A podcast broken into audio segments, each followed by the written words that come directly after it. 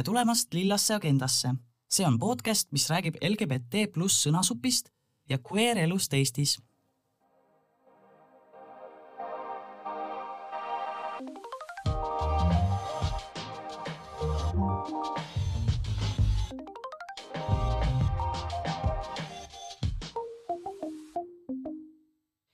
tere, kallid Lilla Agenda kuulajad. mina olen Mel Selmin ja tänane saade saab olema päris, päris huvitav, sest äh, teemaks tuleb ajalugu ja eriti just kväär-ajalugu, sest äh, räägime just äsja ilmunud äh, raamatust Kalevi alt välja LGBT pluss inimeste lugusid üheksateistkümnendast ja kahekümnendast sajandist. aga ennem kui me saate juurde lähme, siis ma räägin natuke ka ühest väiksest just äh, nüüdisaegsest ajaloo hetkest et äh, ma saan rõõmuga öelda, et äh, Lilla Agenda taskuhäälingust on kasvanud välja organisatsioon ja selle organisatsiooni nimi on Eesti Transinimeste Ühing. seega üle pika-pika aja on Eestis tegutsev organisatsioon, mis tegeleb just transinimeste heaolu ja huvide eest seismisega. et meie kohta leiab rohkem informatsiooni meie nüüd äh, muutunud sotsiaalmeediakanalitest, et äh, Lilla Agenda kõik uudised leiab nüüd äh, Eesti transinimeste äh, ühingu sotsiaalmeediakontode alt, ehk siis Facebookis sama nimi ja Instagramis trans.inimesed. jah, ja tänane saade on natuke teistsugune ka sellepärast, et äh, kahjuks täna Paul meiega ei liitu. ta on jäänud natuke tõbiseks, aga mulle on sellegipoolest tulnud appi Triin Sepp, kes aitab mul täna seda saadet juhtida e, ja sellel huvitaval teemal rääkida. tere, Triin! tere, Mel, tere, toredad kuulajad! jaa, aga nüüd ma tutvustaks äh, meie tänast äh, saatekülalist, Rebekat. tere, Rebeka! tere, tere! kas sa saaksid äh, meie kuulajatele natuke rääkida endast, et millega sa igapäevaselt tegeled, mis su taust on ja kuidas sa ennast määratled mm.? ma igapäevaselt olen Tartu Ülikooli etnoloogia doktorant ja nooremteadur ja nooremteadurina ma teen hetkel äh, Vabamu muuseumisse, mis oli endine okupatsioonide muuseum, äh, väikest eksponaati LGBT ajaloost ja minu doktoritöö keskendub ka Eesti LGBT inimeste või soo- ja seksuaalvähemuste ajaloole viimasel sajal aastal. lisaks töötan äh, Feministeeriumis kaastoimetajana, mis on võib-olla Lilla Agenda kuulajatele tuttav, ja meil Eestis on ka ajakiri, soo- ja soouurimuse ajakiri mis on siis akadeemiline ajakiri Ariadne Lõng, sellel aasta lõpus tuleb uus number välja ja siis selle toimetaja olen ma ka, töötan veel kunstikuraatori ja kunstikriitikuna, kriitikuna üsna harva, see aasta olen kirjutanud ainult kaks kunstikriitilist arvustust, üks kolmas on tulemas, ja, ja kuraatori, kunstikuraatorina ka on üks, üks suurem projekt on ees, aga aga selleks läheb veel paar aastat, kui see välja tuleb väga huvitav ähm,. võib-olla alustakski sellest, et äh, kuidas sa üldse jõudsid Eesti LGBT ajaloo uurimiseni ja miks see üldse vajalik on?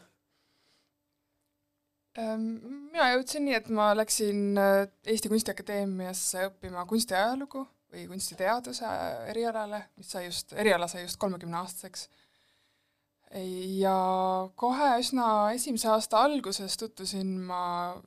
kunstnik Anna-Stina Treumundiga, kes oli äh, tookord magistrant. Ja, ja üsna varsti ta tegi näituse, millega ta ku-, niimoodi kuulutas ennast Eesti esimeseks lesbikunstnikuks ja siis teised Eesti lesbikunstnikud olid natuke pahased, et, et miks, miks nüüd see esimene on, aga, aga need teised ei olnud ennast niimoodi määratlenud, et, et see väljaastumise jõud oli väga oluline, igastahes Anna-Stina ütles mulle kohe alguses, et, et nüüd on vaja ruttu kureerida Eesti gei- ja lesbi ajaloo näit-, kunstinäitus ja, ja seda on nüüd kohe vaja ja ma ütlesin, et kuule, ma esimesel kursusel, et ma ma ei tea mitte midagi, ma, kus ma võtan sulle selle ja siis ta ütles, no ma ütlen sulle, kes tuleb, kes sinna tuleb panna. aga, aga see, see mõju selles mõttes jäi kestma, et ma kirjutasin oma proseminari juba Eesti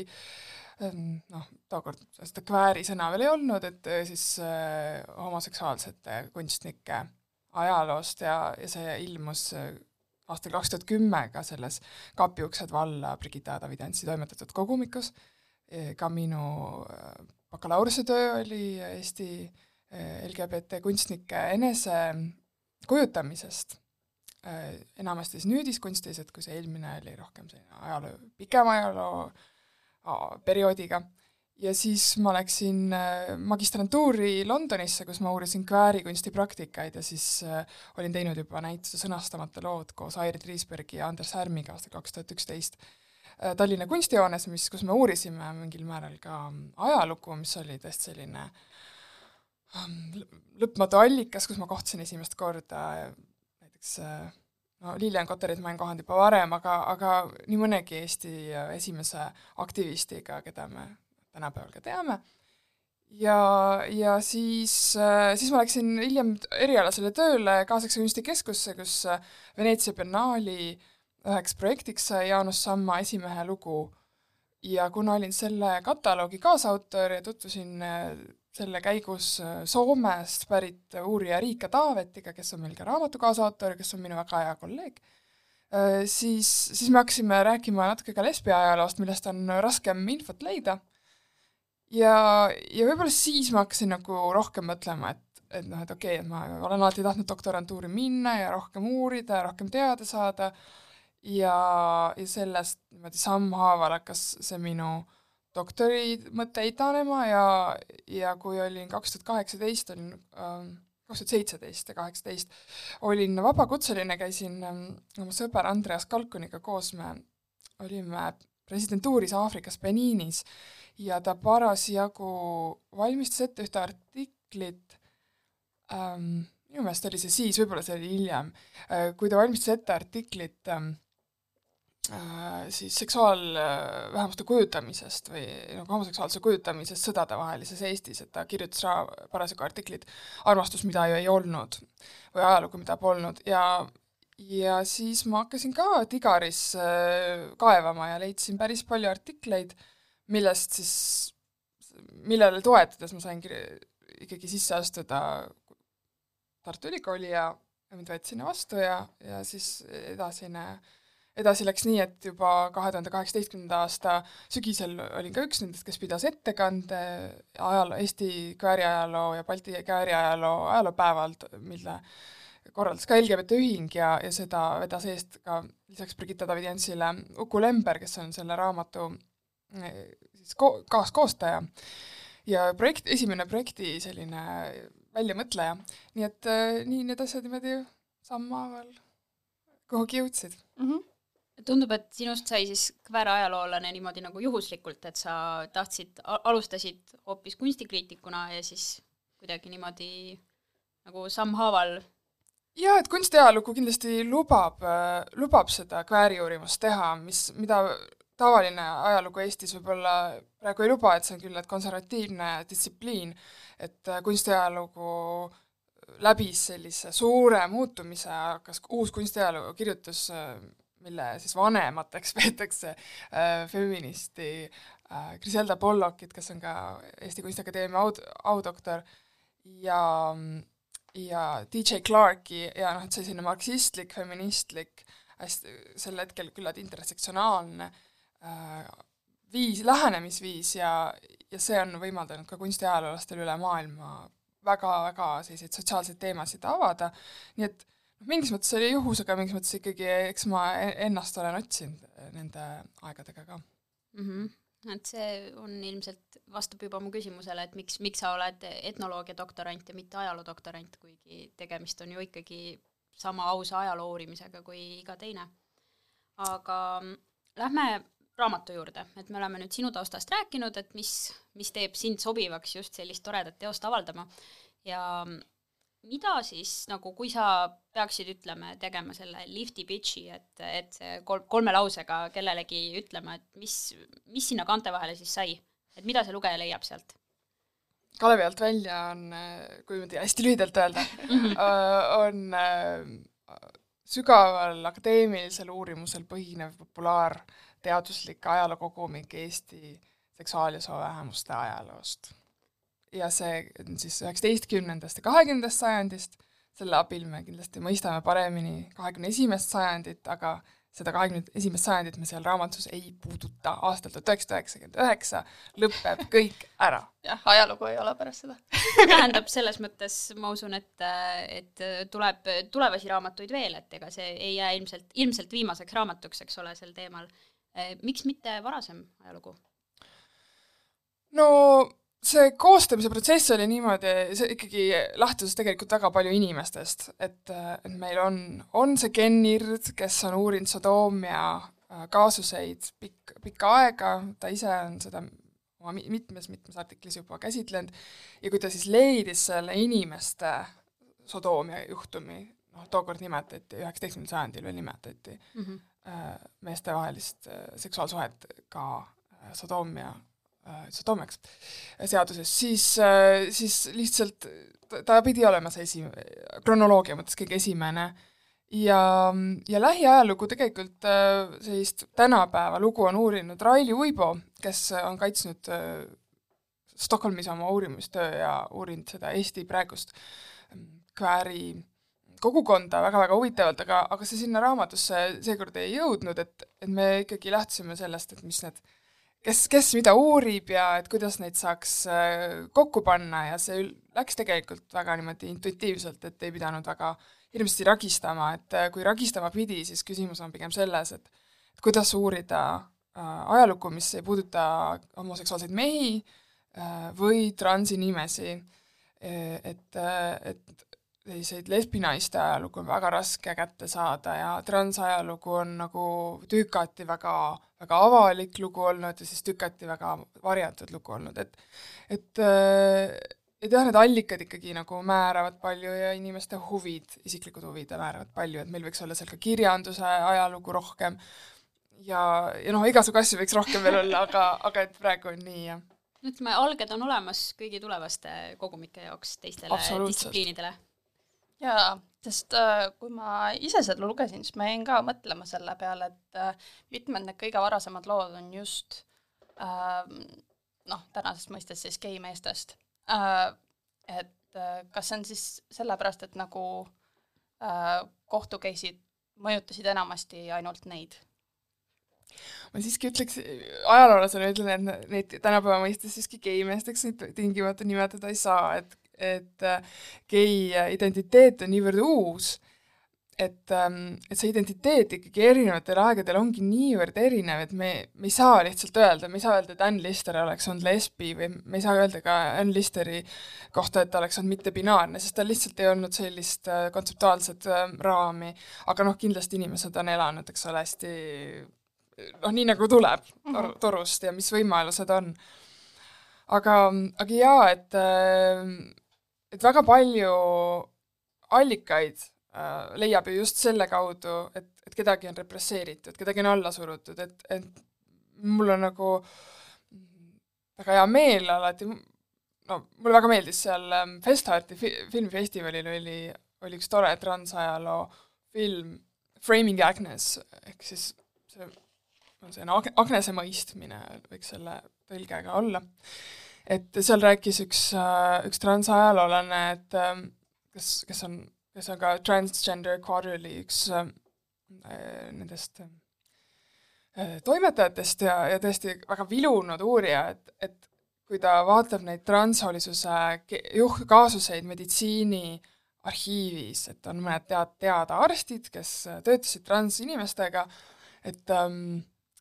et noh, ta leidis neid seal kümmekond või vähemgi, aga, aga ülejäänud inimesed ei, ei ole leidnud, et see tähendab, et need teised inimesed, nad nagu, nad pääsesid sellest allasurumisest.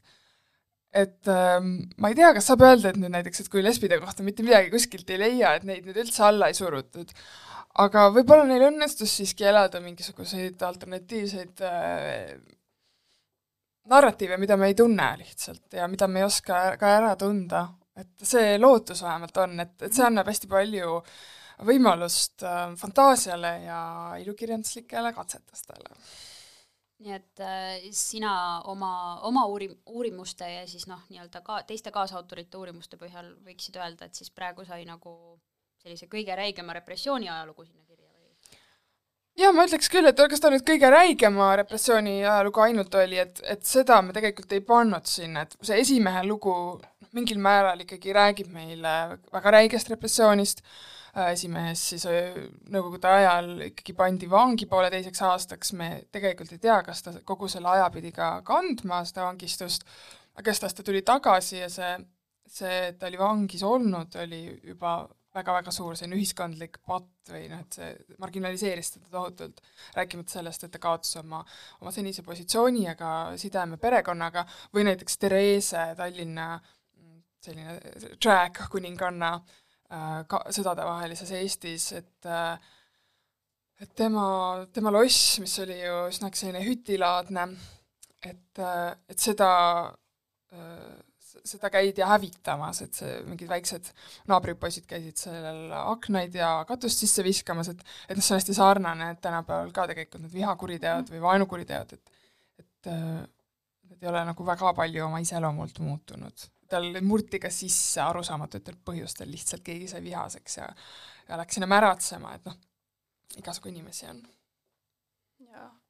äh,. Mis mulle just meeldis seda raamatut lugedes, ongi, et kuigi osad need sündmused, mis võisid, mis toimusid, olidki nagu sellise pigem kurvemad, siis see ei olnud see toon, millega see, need tekstid olid otseselt kirjutatud. et näiteks kui see teine lugu ähm, Kufferist oli, siis seal oli ikkagi pigem nagu õnnelik lõpp või nagu seal oli raskusega kindlasti ei olnud ainult nagu traagikat ja seda oli nagu nii tore näha ka nagu, et see ei ole ainult traagika ja kurbus äh,, mis seal ajaloos on, et tegelikult on ka palju rõõmu äh,. ja mulle väga meeldib, et noh, kuigi noh, on võib-olla raske selliseid asju esile tuua, sest noh, paljud allikad ongi pigem nagu, kui on juhtunud mingi kohtuasi või midagi, aga, aga kuidagi see kväärviis kuidagi, kuidas seda kirjutatud oli, oli lihtsalt äh, väga refreshing ja tore lugeda nagu ise kväärinimesena ähm,. mida oli tore näha, et kas see oli taotluslik äh,, kuidas see kokku pandud oli või see pigem mitte? ei, see ikka oli ikka taotluslik, et ähm, Hannes Vinnali kirjutatud Elisar von Kupferi lugu on tõesti selles mõttes noh, tõesti väljapaistvalt erinev, et ta ongi üks rõõmus lugu, et ta oli rikast perest äh, mees, kes läks, kes leidis endale üsna noores eas elukaaslase,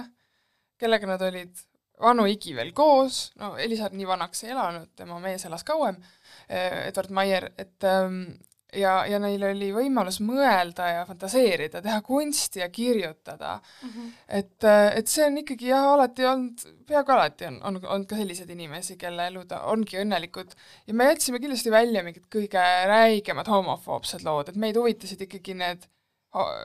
inimesed ja inimesed, inimesed, kes on elanud, nende elu avamine, et, et kunagi ei ole ükski elu äh,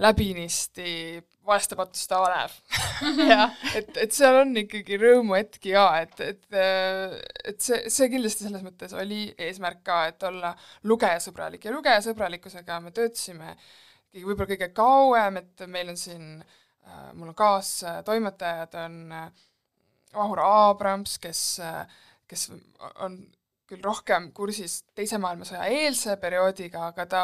on ka Nõukogude ajal elanud ja oskas tõesti igas ajas küsida neid selliseid nüansse autoritelt, et, et kas saaks midagi täpsemaks äh, viia või mingeid paralleele tuua, et need lood hingaksid paremini, äh, noh, sellist kaasavat keelt kindlasti tõi Aet Kuusik, kes äh, on Feministeeriumi pikaaegne toimetaja ja ka nüüd Kääri keele uurijana doktorant. et, et see annab nagu võima-, tema andis kindlasti selle kvääri keele nagu teadlikkuse, et, et me ei, ei pea kunagi minema mööda või seal oli ka selliseid suuri valikuid, et nüüd kuidas me nüüd nimetame seda või teist ja kuidas me märgime mm -hmm. ühte või teist, et et see tundub selline käsitöö, aga lõpuks see on pikemas perspektiivis oluline. ja Andreas Kalkon ütles, et kuule, et teeme need lühikesed lood ka nende pikkade vahele, et, et meil muidu on liiga suured vahed äh, perioodidel ja, ja muidu jäävad ka mõned olulised inimesed nagu mainimata, et neid tuleb ka kindlasti, nendest tuleks rääkida, isegi kui me neist veel palju ei tea, et, et meil on need lühilood, on näiteks Robert Rikasest, kellest me väga palju rohkem ei teagi, aga see,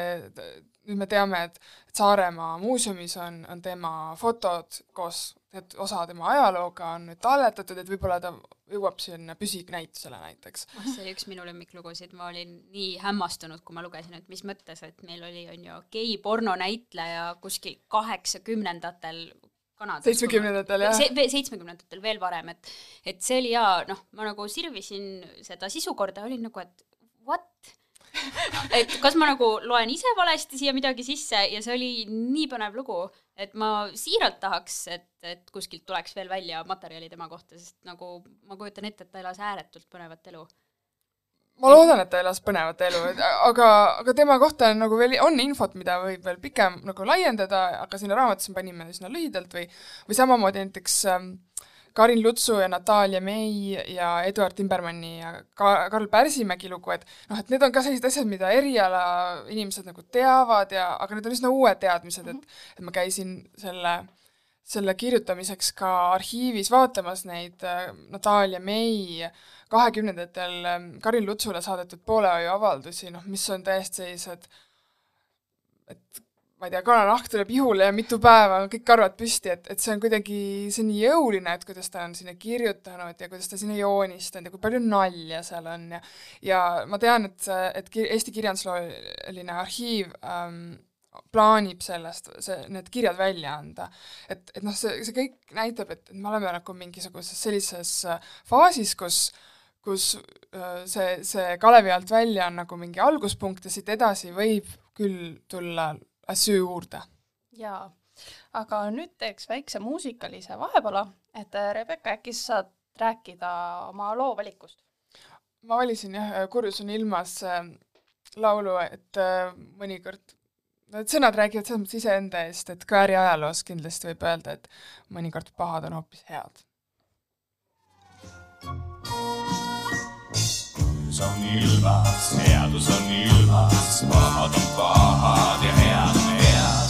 head viha on ilmas, õelus on ilmas, võib-olla ma olen hoopis hea.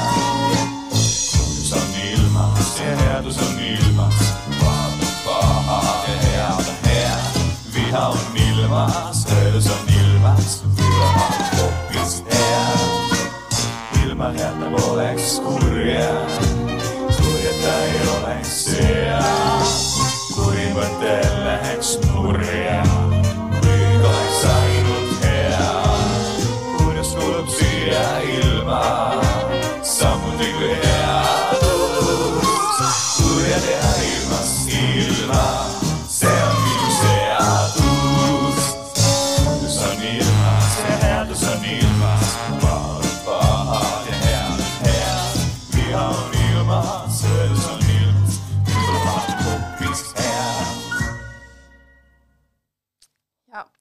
oleme tagasi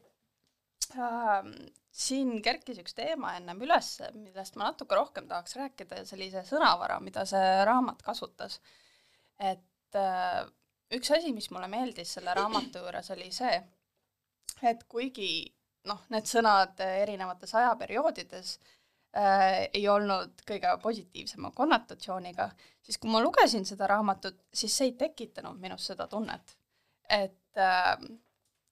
oletame, et kui äh,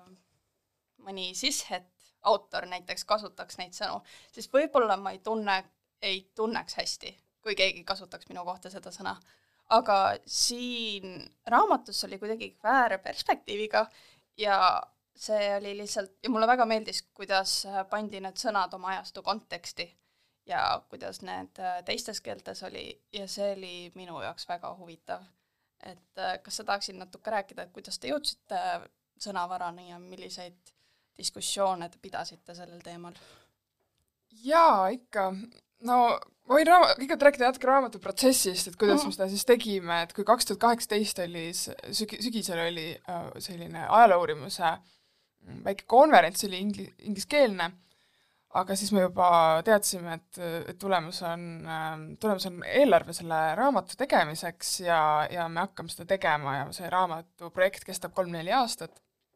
et siis kaks tuhat üheksateist me hakkasime niimoodi kord või kaks aastas kokku saama, kus äh, peaaegu kõik autorid olid siis äh, laua ümber, rääkisid oma loo, oma allika, mida mille nad olid leidnud, ja, ja siis me hakkasime mõtlema, et kuidas sellest kirjutada, et mõnel autoril oli mitu allikat ja mõnel oli juba lugu olemas, aga mõnel ei olnud veel päris vii-, noh, veel viimasel aastal alles see lugu nagu võttis kuju. et olenes, olenes ühest ja teisest ja, ja sõnavara sai väga ruttu jah, oluliseks teemaks, et, et kuidas siis nagu, kuidas seda seletada, et et tänasel päeval me mõtleme lesbid, geid, biseksuaalsed inimesed, transsoolised inimesed, queer'id inimesed, queer'id inimesed, küsivad inimesed, et sõnasupp on ju hästi pikk. aga, aga et näiteks sõna homo- ja heteroseksuaalsus mõeldi välja alles äh, Austria-Ungaris äh, tuhande kaheksasaja kuuekümne kaheksandal aastal, kirjavahetusse läks järgmisel aastal ja mõned aastad hiljem läks raamatusse Psühhopaatia seksuaalis, millest sai selline seksuaalse orientatsiooni tüvitekst noh, mitmekümneks aastaks, Richard Kraft von Ebbingi raamat oli see. et, et see selline suur seksuaalsuse ja soolisuse uurimus mingis mõttes saigi alguse üheksateistkümnenda sajandi lõpus, et enne seda olid teoloogid need, kes olid selle nagu määratlenud, et mis on nagu õige ja mis on mm. vale mm. ja, ja sodoomia oli siis selline asi, mille, mis sõnastatigi juba, eks ole, kuueteistkümnendal sajandil ja siis seda, see tähendas korraga nii loomapilastust kui meestevahelisi seksuaalsuhteid kui äh, heteroseksuaalseid oraalsuhteid, anaalsuhteid, et kõike, mis ei olnud nagu reproduktiivne seksuaalakt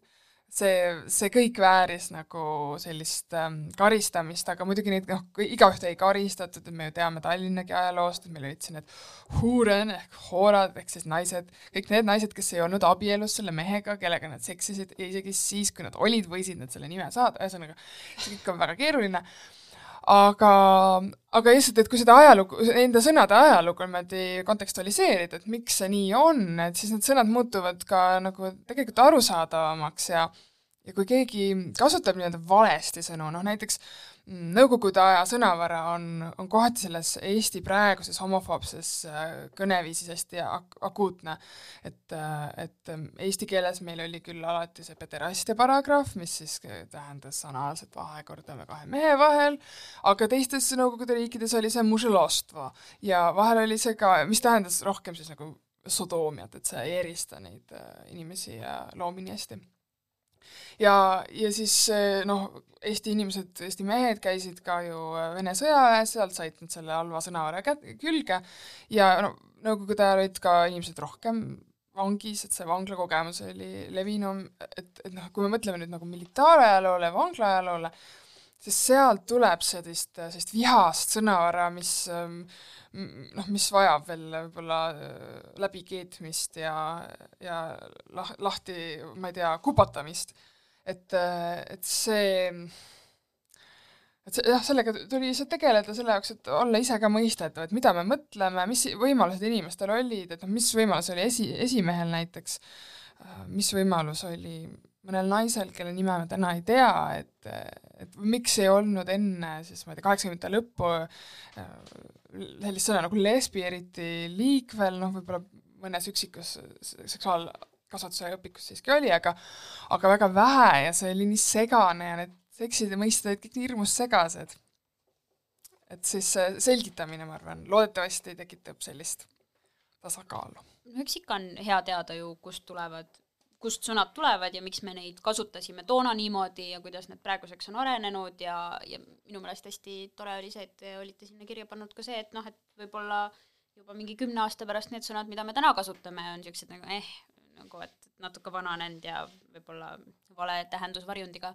et äh, selles mõttes on hästi tore panna sinna lisaks nagu sellele ajaloole endale ka niisugune nagu noh, selle kontsepti ajalugu, sest sa ise ka ütlesid, eks ole, et sa kaevasid Tigaris ja no ma kujutan ette, et sa pead ikka mingid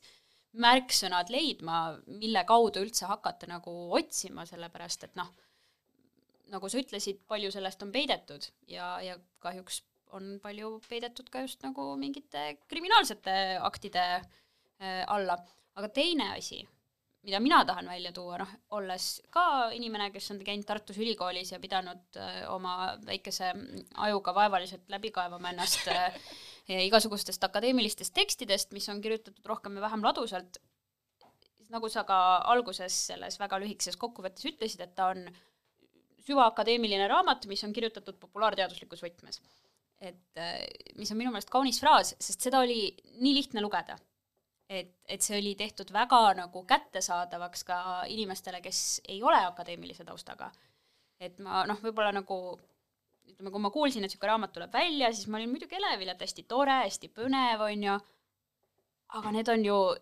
targad akadeemikud, kes kirjutavad seal ja, ja noh, ma ei tea,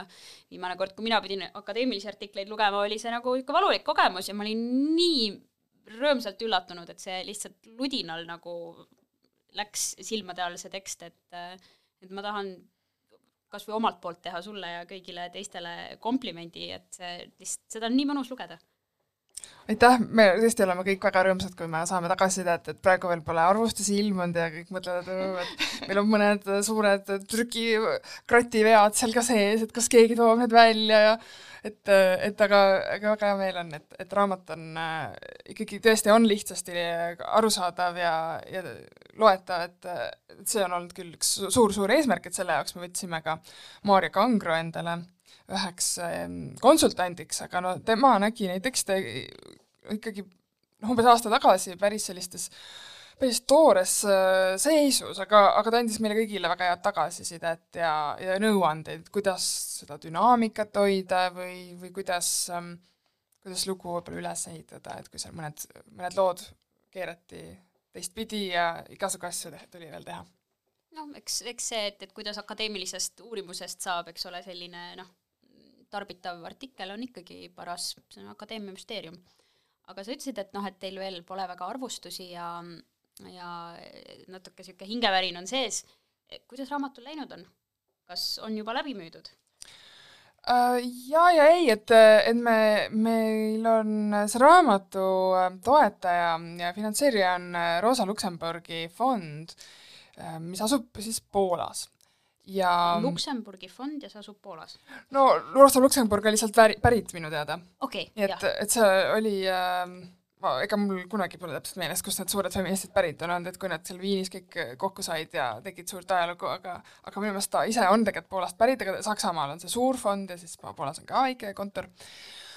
et, äh, et see on osaliselt mõeldud tasuta jagamiseks, aga praegu meil on, äh, on see ja osa, osa raamatu tiraažist on siis nagu müügiks, siis see müüdav osa praegu on nagu otsas ja me tahame teha uue müüdava osa ja et see laheneb, ma loodan, nädala pära-, nädalate jooksul, et tahaks, et jõuludel oleks ikkagi kõigil raamat kodus käes on ju ide-, ideaalne väike, et mahub suurema päkapikusoki sisse ära küll. ma, ma nagu mõtlen ka ja aga, aga muidu, kui nüüd näiteks võrrelda mm, Kapiuksed valla raamatu retseptsiooniga, et siis noh, me elame tänasel päeval ikkagi täiesti nagu teistsuguses, teistsuguses kohas see, et meedia valmisolek on hoopis teistsugune, et tegelikult äh, ma annan praegu, ma arvan, neljandat või viiendat intervjuud, mis noh, on muidugi natuke nukker, et teised võiksid ka rohkem intervjuusid anda, aga, aga kuna olen raamatu tegevtoimetaja, siis see, loomulikult on minu äh, au ja, ja hea meel. Äh, ja, ja raamat, äh, raamatust on rääkinud ka rahva omakaitse ja selle kohta on tõesti nagu inimesed on häält teinud, et, et, et see on, me näeme, et see on olemas ja andnud märku, aga, aga eks nende arvustustega lähebki aega, ma tean, et viis arvustust on tulemas. aga need tulevad võib-olla aasta lõpuks ja uueks aastaks, et et näiteks siis äh, Kapi uksed valla, ma ei mäleta täpselt, kuidas nende intervjuudega raadios näiteks oli, aga, aga ilmus umbes kaks arvustust, et et see näitab ikkagi seda, et, et me, et see huvi teadlikkus, see, see kõik on kasvanud, et, et me siin raamatu tagakaanel ka ütleme, et, et ühelt poolt on Eestis hakatud LGBT inimesi rohkem omaks võtma Eesti ühiskonnas, et see on selline kahe otsaga, et see pinge on ka väga suur, et et ka poliitilise manipulatsiooni tagajärg on see, et ähm, et inimesed nagu radikaliseeruvad igas suunas, et Müürilehes just oli äh, lugu kümne vasakpoolsega, kellel on samamoodi, nad on radikaliseerunud äh, just sellepärast, et see parempoolsus on niivõrd äh, niivõrd õõnestav ja õõvastav, et sööb inimestel hinged seest. Äh, kui me räägime nagu raamatulugudest ise, et siis kindlasti iga lugeja leiab nagu midagi endale aga võib-olla äkki sa saad rääkida nagu oma lemmikutest või lood, mis sulle hästi südamesse läksid või südamelähedased olid? või mis sind üllatas, kui sa seda kokku panid, sest kõik ei ole ju sinu uurimused? jaa, ei kõik kindlasti pole minu uurimused, eriti mis on just enne kahekümnendat sajandit, on mulle võõras äh, materjal, aga tänu sellele raamatu tege-, pikaajalisele protsessile sain ikkagi nende allikatega tuttavaks. no mul lemmikuid muidugi ei ole, sest kõik on lemmikud, et äh, kõik on oma lapsed et oma, omad sõbrad ja kolleegid äh, on neid kirjutanud, aga, aga ma võib-olla võin natuke rääkida, et, et noh, meil on siin erine-, erisuguseid autoreid, et äh, võib-olla räägin autorite kaupa natuke mm. -hmm. Et noh, Vahurit ja Andreast ma juba mainisin, Andreas on ka võib-olla kõige sellisem tuntum geiajaloolane Eestis praegu, et ta on kõige rohkem avaldanud ja ja kirjutanud huvitavalt just sellest sõdatavahelisest perioodist ja Magnus Hirschfeldist, et äh, Magnus Hirschfeld äh, noh, me tunneme teda, ma ei tea, kas või sarjast Transparent, seal ta on üks äh, kangelastest, et, et vot see, see on siis see, mis meid ühendab ülejäänud maailmaga, et ongi see Hirschfeld, kes, kes tuli siia Eestisse ja pidas siin loenguid ja tema filmi näidati samamoodi nagu näiteks San Franciscos või või kuskil mujal Euroopas, et ähm, et see, see selline side maailmaga on minu jaoks äh, olnud väga oluline. Äh, ja noh, ongi, et Ken Ird ja Hannes Vinnal ja Riika Taaveti on, on kõik ajaloolased, et äh, et Riika on küll seda nõukogudeaegset pärandit ja Eesti-Soome ajaloo võrd-, võrdlevat uurimust teinud ja ta on poliitika-ajaloolane, ja Hannes on praegu, töötab konservaatorina muuhulgas et äh, tema igapäevane uurimus tegelikult pole olnud äh, seotud gei ajalooga, aga, aga see leid, see, kuivõrd hästi ta tundis kohe ära kõik need mõisad ja et, et see, see andis nagu mingit nüanssi, mis, ähm, mis oli minu jaoks väga, väga tore üllatus. Ähm, ja siis on muidugi kultuuriuurijad ja filosoofid, et meil on Saara Arumetsa, kes on äh, üldse üks äh, imeinimene ja, ja kirjutab äh, tõeliselt äh, sellises heas rahulikus tempos väga-väga sellistest irriteerivatest momentidest Eesti transajaloos, et et see on võib-olla üks selliseid ähm, ajaloo ähm, ma ei tea, lugusid, et kuidas transinimesi alla surutud on, kuidas,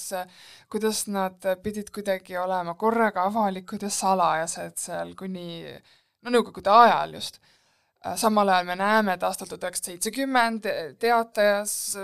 illub perekonnaseaduse lisa, et inimesed võivad, äh, kui neil sugu on muutunud, nad võivad oma nime muuta, et ma mäletan, et kui me selle leidsime, et mitte midagi aru, noh, midagi ma sain, aga mul läks juhe nii kokku, et et ühelt poolt see arusaam, et mis on üldse Nõukogude ajalugu või Nõukogude ajalugu, ja siis, et kuidas see Eestiga seostub ja kuidas need äh, seksuaalsused ja soolisused seal on, et, et, ähm, et Saara on tõesti väga niimoodi rahulikult rääkinud asjaosalistega ja, ja, ja siis Kristel Regina loo kaudu avanud terve, terve ajastu, ma ütleks. Äh, et, et tema lugu oli, oli, ma tean, kõigile kaasautoritele selline äh, selline suur eeskuju, et, et sellest keegi mitte midagi ei teadnud ja Saara tuli ja pani nagu tuled põlema. Ja Taavi Koppel on ju tegelikult ka ajaloolane ja arhivaar, et temal endal on seal Kai-, Keilas äh, LGBT kogu, mis ta on loonud ja ta täiendab seda ja seda ta ka nüüd uuris, et see on esimene kord, kui ta on seda oma kogutud materjali läbi kirjutanud, et et see on ka, noh, see on ka alles algus, et tal on seal neid materjale tegelikult üsna erisuguseid veel päris palju. Ja ta, ja, ja on päris raske on otsustada, et oo, mul on nii palju materjali mis ma, kust ma alustan, millest, et ta räägib seal MTÜ-de ajaloost ja ma mäletan, ma käisin ise neid materjale ka vaatamas ja mõtlesin, et no ma ei tea, et äh, mingi MTÜ äh, mm, asutamiskoosolek või, või, või mingi juhuslik koosolek, et no teil nüüd on ka MTÜ, te teate mm. küll, et varsti teid ootab see majandusaasta aruande vastuvõtt. Oh,, et noh, et siis kas, kas te olete üksteisega nõus, te revite revisjonikomisjoni või lähete tülli, tekivad mahhinatsioonid, kas keegi ütleb, et sa ei tea numbritest midagi? Ja siis see pannakse sinna protokolli, paneb kolmas kirja, ühesõnaga, et, et sellistest asjadest on võimalik ka ikkagi noh, ääretult põnevalt kirjutada, palju teada saada ja noh, näiteks peod ja kas peod täna, tänasel päeval on nii oluline, et noh, et kas see on siis Queer Planet või kuhu kvääri, kuhu kväärid õhtul lähevad ja, või kus need, kus need vaiksed kväärid asuvad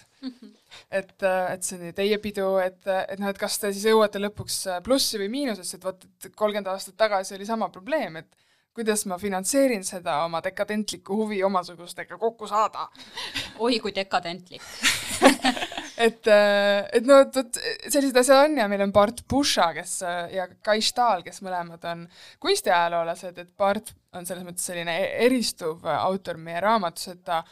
vaatab siis sellele tuntud kunstiajaloole Kalevipoja kujutust, kujutistele kunstis ähm, ärkamise ajal ja ja pärast seda, ehk siis kuni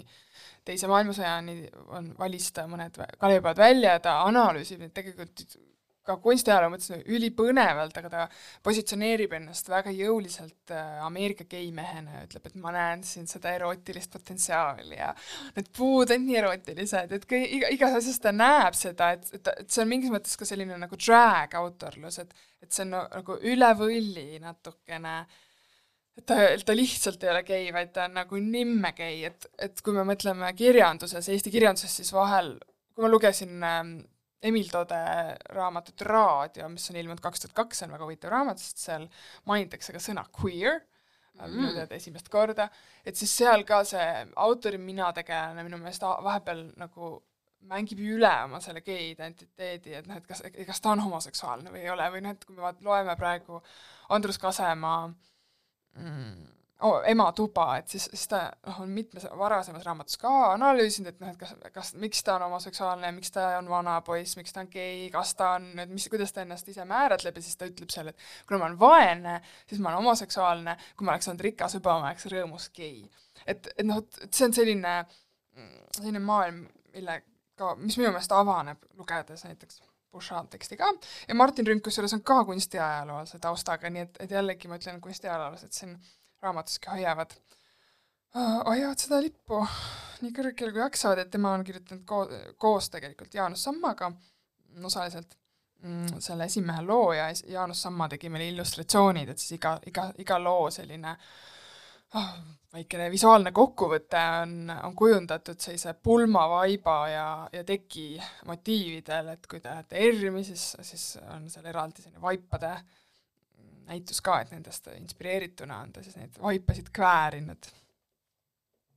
väga kväärikad vaibad on tõesti selle raamatu kantel. jaa, et äh, nüüd peaks järgmise muusikalise vahepala, mille mina valisin välja, et meil just oli transnähtavuse nädal ja transinimeste mälestuspäev et äh, selle tõttu ma valisin ühe transartisti Mel Plummi loo äh, Simi I fall down, but I get up. I've been here so long, feels like nothing anymore. I'll think of you.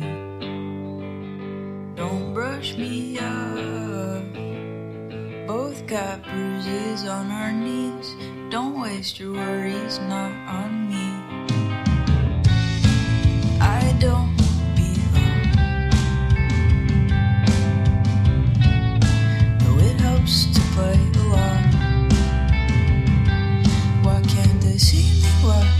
See me? Why can't they see me? Why can't they see me? Why can't they see me? Why can't they see me? Why can't they see?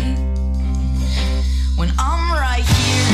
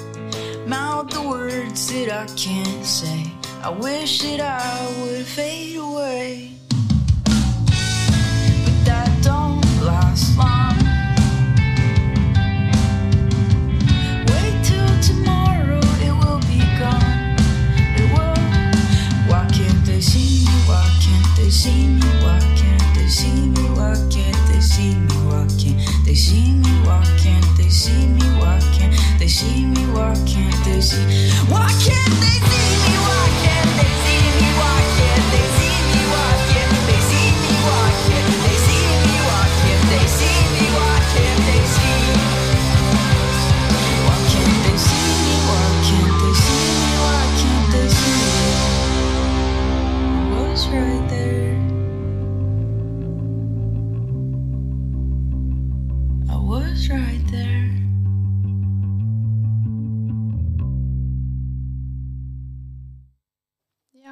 tagasi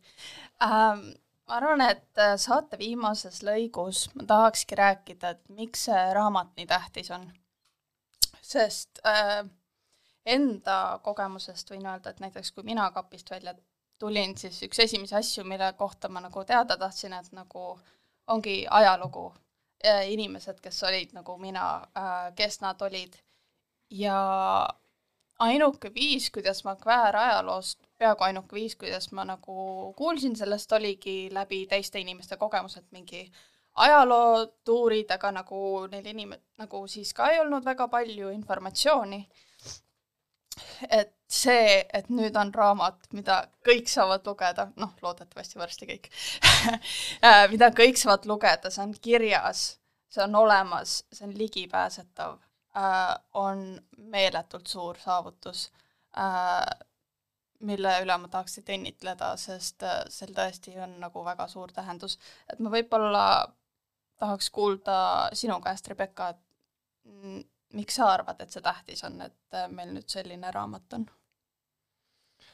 see on nii lähedane küsimus, et miks on tähtis, et üks asi, mida mitu aastat tehtud, on valmis ja noh, minu jaoks ju noh, raamat on jah valmis ja mul on tohutu kergendus, et, et see töö on tehtud ja et kõik on hästi läinud ja ähm, aga, aga noh, juba on need järgmised projektid on töös, et ma selles mõttes ei suuda sellest nii hästi distantseeruda, et et miks, miks see nüüd nii oluline on, aga nagu needsamad asjad, mis sa Mel ka välja tõid, et äh, et äh, et me saame, kui meil on minevik, siis meil on lihtsam rääkida nii olevikust kui ka tulevikust, et, et see on niivõrd oluline teada, no et keegi oli enne, ma arvan, et äh, võib-olla kui ma hakkasin uurima, siis mulle oli väga suureks üllatuseks, et tegelikult meil on päris selline äh, aja, kui olla ju- just meediaallikatele toetuda, et meil on täiesti olemas transajalugu, et, et see ei ole mingisugune supervarjatud sa- saladus või et, et inimesed ei ole alati olnud ainult homofoobsed, et homofoobia ei ole mingi selline äh, traditsioon, et nüüd me teame, et, et on olnud äh, ikkagi traditsioon äh, tegelikult äh, inimesi kaitsta seadustega, et sõdadevahelises Eestis me teame, et otsustati näiteks äh, see, need see homoseksuaalsed suhted meeste vahel dekriminaliseerida vastandumaks siis äh, Tsaari-Venemaale, samal ajal kui Eestis. äh, see seadus vastu võeti, oli Nõukogude Liidus äh, oli, oli tegelikult homoseksuaalsus ka dekriminaliseeritud, et see oli lubatud nii naistele kui meestele ja seal olid oo- väga karmid seadused vägistamise vastu, et keegi ei tohi kedagi vägistada, naised naisi, mehed mehi, naised mehi, mehed naisi ja nii edasi ühesõnaga kõik need olid seal ära sõnastatud. aga vot siis, kui Eestis hakkas kehtima näiteks sõdade vahel see äh, luba kõigil seksida äh, vabatahtlikult, et äh, ilus sõnastus. et siis äh, kahjuks kolmekümnendatel, kolmekümne neljandal aastal oli Stalin äh, Nõukogude Liidus ju juba rekriminaliseerinud homoseksuaalsuse ja see siis Eestis nagu äh, okupatsiooni käigus äh, võeti üle. ja see on üks väga vägivaldne äh, peatükk meie ajaloost, millest äh, olen kirjutamas oma doktoritöös ühte artiklit, see on, on ilmumas, ma loodan, järgmisel aastal ilmub. ja mm, et ma arvan, et, et see on oluline alustada mingis mõttes nagu tea, kas noh, see, need, need lood on küll positiivses toonis ja et nad on ikkagi ellujääjate lood ja positiivsed lood, aga nad ikkagi päris hästi kaardistavad ka seda transfoobiat ja homofoobiat. aga, aga noh, et kui me teame sellest kõigest rohkem, et siis, siis, siis on nagu lihtsam, ma mäletan, tegime koos Taavi ja, ja Uku Kut-, Uku Lemberi kutsel koos Taavi Koppeli ja Liisi Õhvikuga olime neljakesi. Et Tallinna Ülikoolis eluprojektis, mis on siis selline laboruurimus,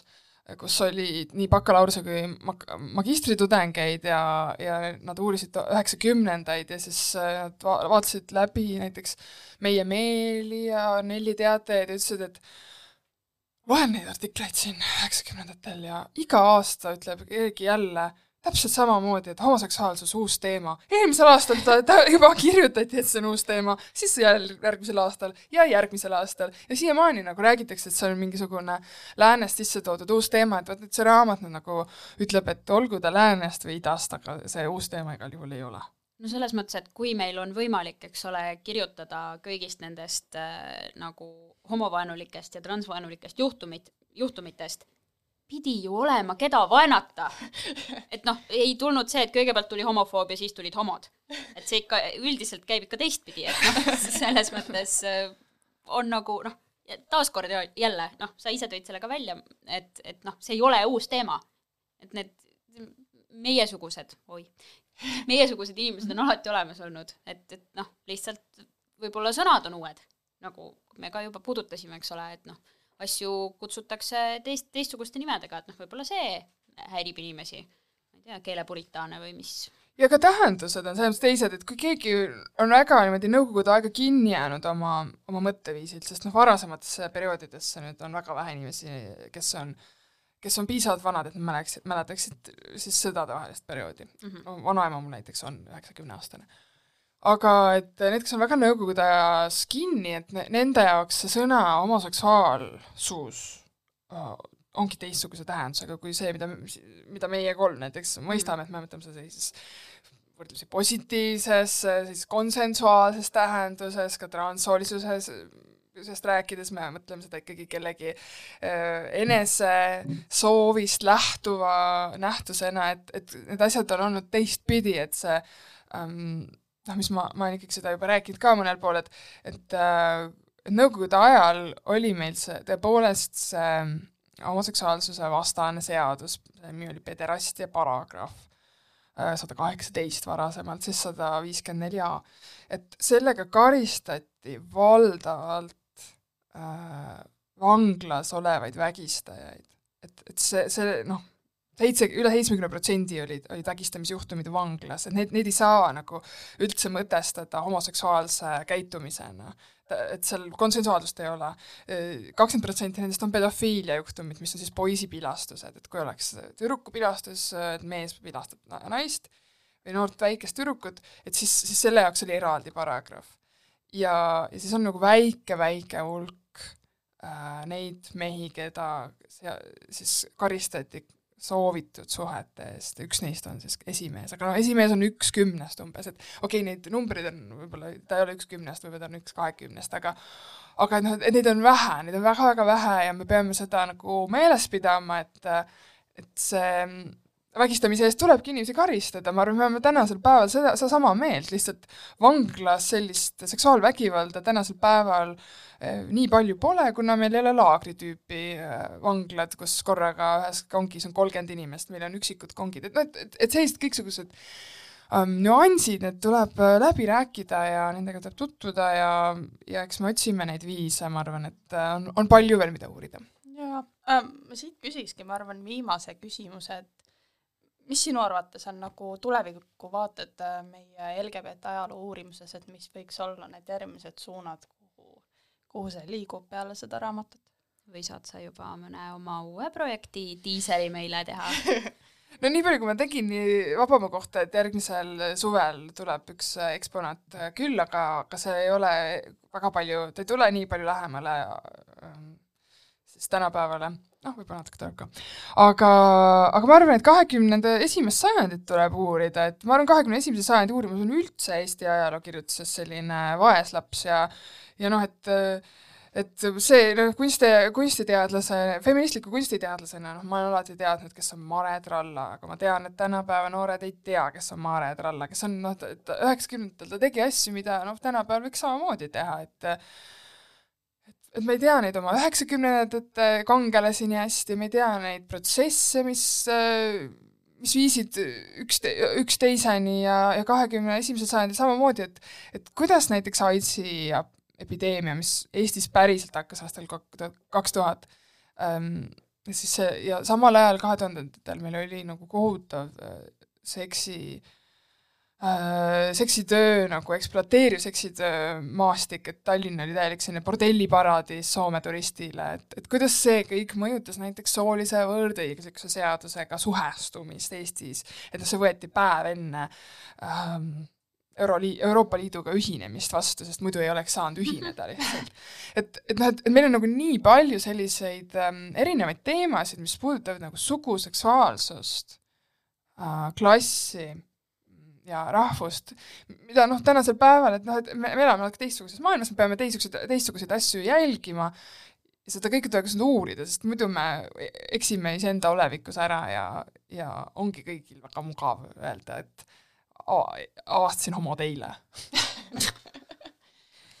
oh, no loodame, et äh, siis peale selle saate kuulamist äh, on vähem neid inimesi, kes veel saavad avastada. ma veel ütleksin seda kuulajatele, et kui kellelgi on perekonnas mõni lugu või on kellegi kirjavahetus, kes on, on siis tänapäeva mõistes LGBT inimene olnud, et et andke teada, et me ei võta midagi kellelgi ära, aga oleme väga huvitatud, et materjalidega tutvumisest, uurimisest ja, ja perefolkloor, jõulud on tulemas, küsige kõik oma perelt välja. jaa, to-, tooge kõik oma teemad jõululauda oh,. ma arvan, et see on väga hea viis, kuidas lõpetada suur,. suur-suur aitäh, Rebecca, et sa tulid ja avasid meile selle raamatu tagamaid ja aitäh, Triin, et sa minuga koos täna saadet vedasid. aitäh lahke vastuvõtu eest ähm,! ennem, kui me mängime viimase laulu, siis äh, on Pauli poolt valitud ja ta kirjutas väikse eessõna ka sellele laulule, mille ma ette loeks. et äh, Paul on öelnud, minu enda jaoks on alati ajalooliste LGBT pluss inimeste elude kohta lugemine olnud mõnes mõttes teraapiline, olen tundnud, et samastun nende inimestega isegi siis, kui mul endal veel kogukonda inimesi ümber ei olnud. selline turvaline kodune tunne on. nii et äh, mängime nüüd Pauli laulu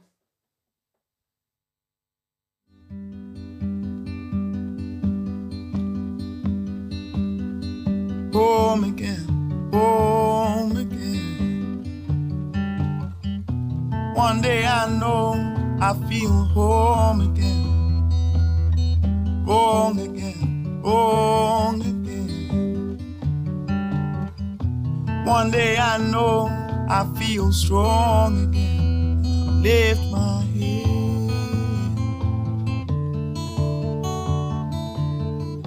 Many times I've been told all this talk will make you old. So I'll close my eyes, look behind, moving on, moving on. So I'll close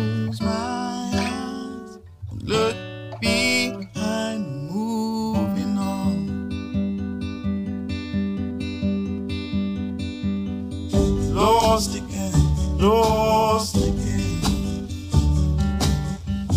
One day I know our paths will cross again. Smile again, smile again. One day I hope to make you smile again. I will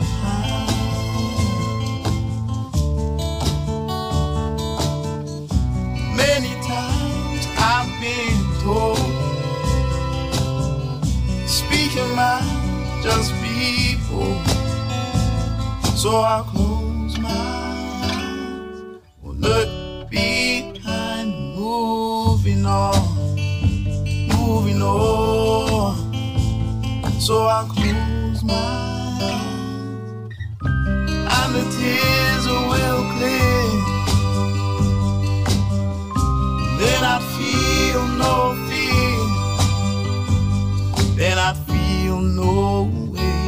life's been made straight.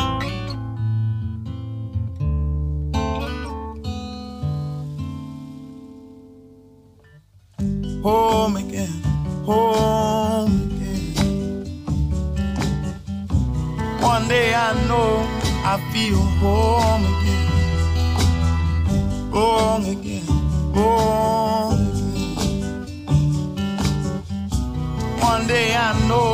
I feel strong again.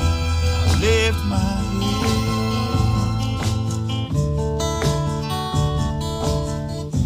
Many times I've been told, all this talk will make you. So I close my eyes, look behind, moving on, so I'll.